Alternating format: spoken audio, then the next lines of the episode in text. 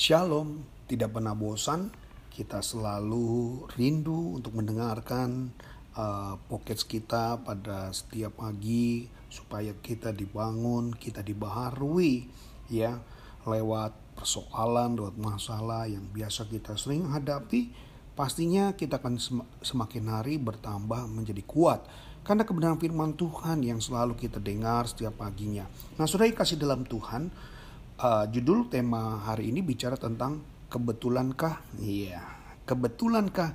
Jadi memang kalau kita mendengar kata kebetulan artinya tanpa kita duga-duga ternyata itulah yang terbaik. Nah, mari kita kita lihat di dalam Matius 9 ayat 9 bilang begini. Setelah Yesus pergi dari situ, ia mengambil seorang yang bernama Matius duduk di rumah cukai, lalu ia berkata kepadanya, "Ikutlah aku." Maka berdirilah Matius lalu mengikuti dia. Saudara-saudara perhatikan baik-baik. Kalau saudara baca baca dengan baik, apakah memang Matius ini seorang pemungut cukai atau dia memang seorang yang lagi sedang kebetulan ada di rumah tukang cukai?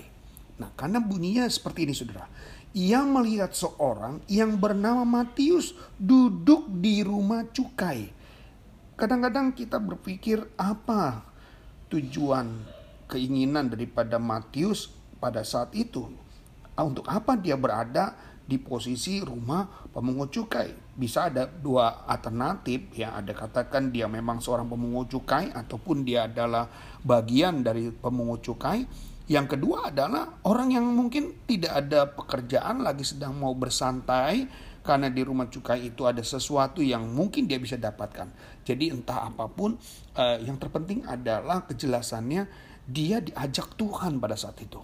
Dia diminta Tuhan, ikutlah aku. Ini sesuatu yang menarik sekali. Sebelumnya kita lihat lagi dalam Markus 2 ayat 13 14 bilang begini.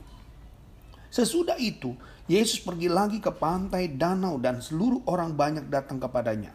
Lalu ia mengajar ke mereka. Kemudian ketika ia berjalan lewat di situ, ia melihat Lewi anak Alfeus duduk di rumah cukai Lalu ia berkata kepadanya, ikutlah aku. Maka berdirilah Lewi lalu mengikuti dia.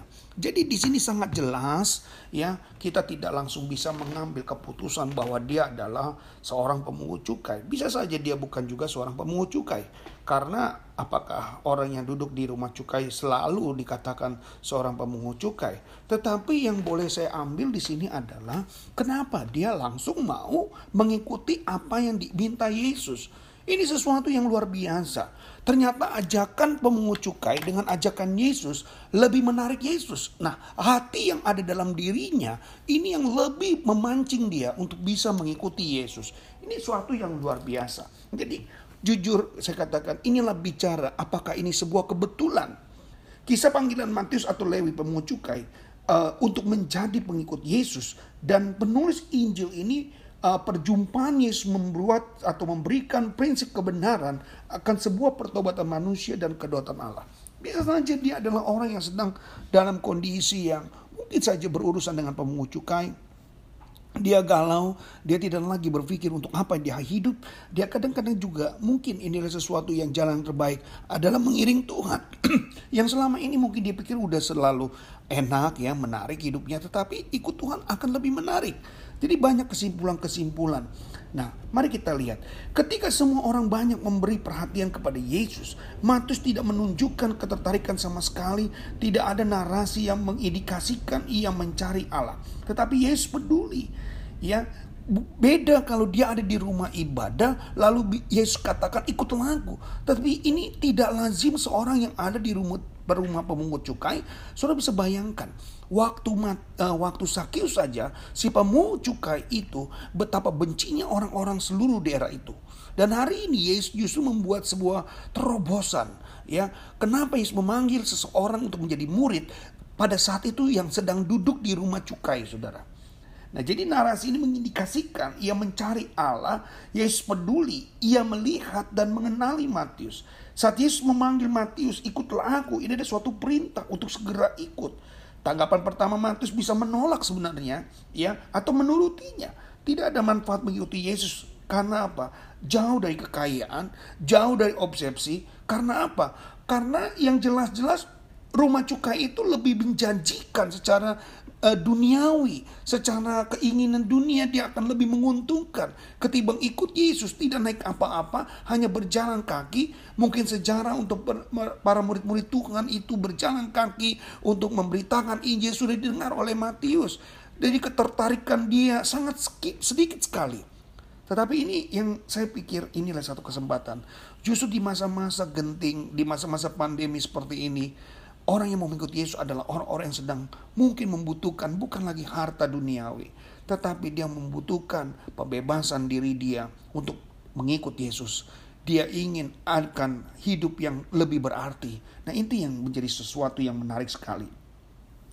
Kedua menolak dengan halus karena merasa Matius dihina dan berdosa karena dia ada di rumah cukai. Bisa saja dia adalah pemungut cukai juga. Bisa saja dia adalah orang yang gak layak pada saat itu. Tetapi memang ini Yesus punya insting, punya satu hati yang luar biasa bisa melihat hati manusia. Ini yang luar biasa. Yesus ingin punya alternatif bahwa waktu dia memanggilnya, memberikan keselamatan dengan panggilan kudus. Bukan berdasarkan perbuatan, tapi berdasarkan maksud kasih karunia. Jadi Tuhan tidak melihat siapa kita. Tuhan tidak melihat siapa dirimu. Tetapi asalkan hatimu terbuka untuk mau mengikuti Yesus. Yesus tidak pernah menolak. Jadi siapa? Ini welcome.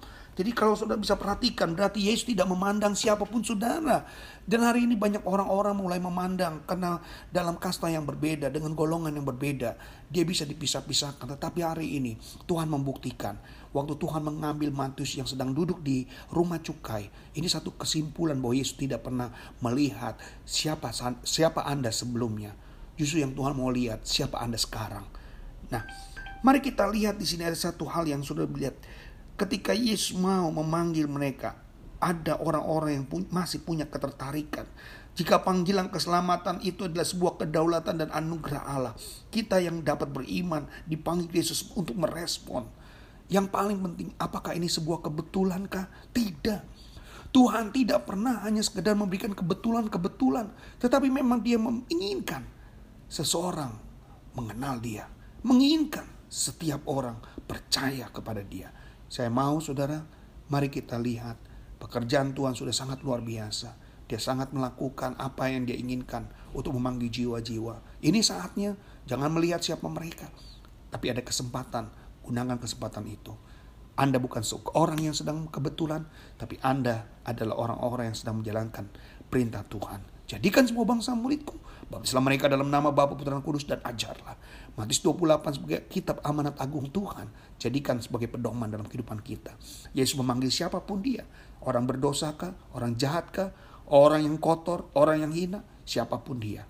Kalau Tuhan mau selamatkan, dia pasti mau selamatkan. Bukan kebetulan.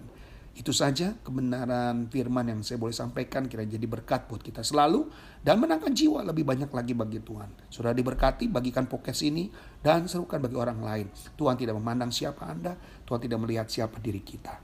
Tuhan Yesus memberkati. Shalom.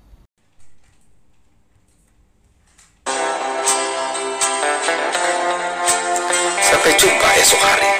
Kiranya damai sejahtera dari Allah Bapa kecintaan dan kasih karunia Tuhan kita Yesus Kristus, persekutuan serta penghiburan Roh Kudus menyertai kita sekalian mulai hari ini sampai Maranatha Tuhan Yesus datang.